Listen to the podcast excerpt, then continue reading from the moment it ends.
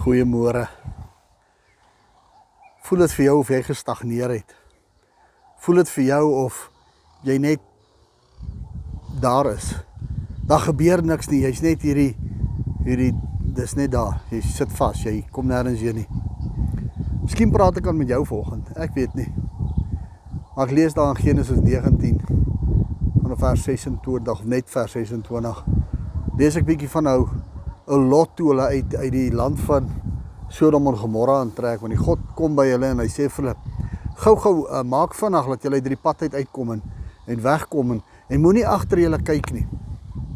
In vers 26 kom die skrif en hy sê en Lot se vrou kyk toe agter haar om te kyk wat met Sodom en Gomorra gebeur en sy verander in 'n soutpilaar.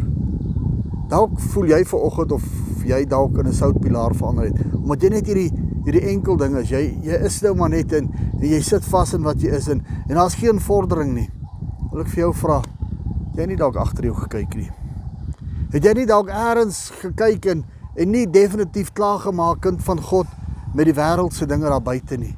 Het jy nie eers gegaan en en die Here aangeneem en en 'n pad saam met hom begin wandel en 'n pad saam met hom gestap en en op 'n tyd het jy bietjie agtertoe gekyk en en verlang na die verlede.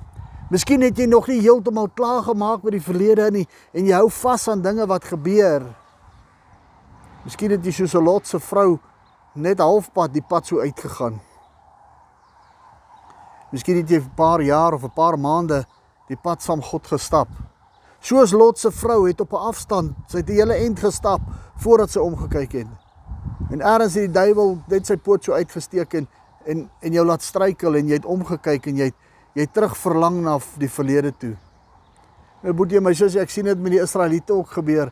Want daar vroeër aan in in in die in in die boek van Numeri dan sê die die skrif vir ons hulle het verlang na dit wat in Egipte was, na die vleis en die pruie en die eie en die knoffel wat in Egipte was. Hulle het verlang na hulle verlede.